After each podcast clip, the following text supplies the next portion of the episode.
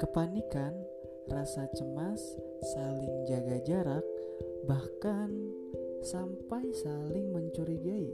Mungkin inilah yang sedang dirasakan oleh masyarakat yang ada di dunia saat ini, tak terkecuali di Indonesia, khususnya dalam kegiatan sehari-hari yang biasa kita lakukan sebagai manusia pada umumnya sekarang terjadi di luar kebiasaan.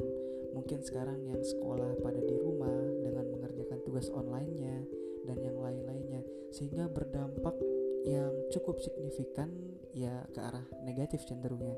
Tapi di sisi lain banyak sekali hikmah-hikmah yang terjadi karena virus corona ini. Oleh karena itu kita akan bahas terkait sisi positifnya dari virus corona ini.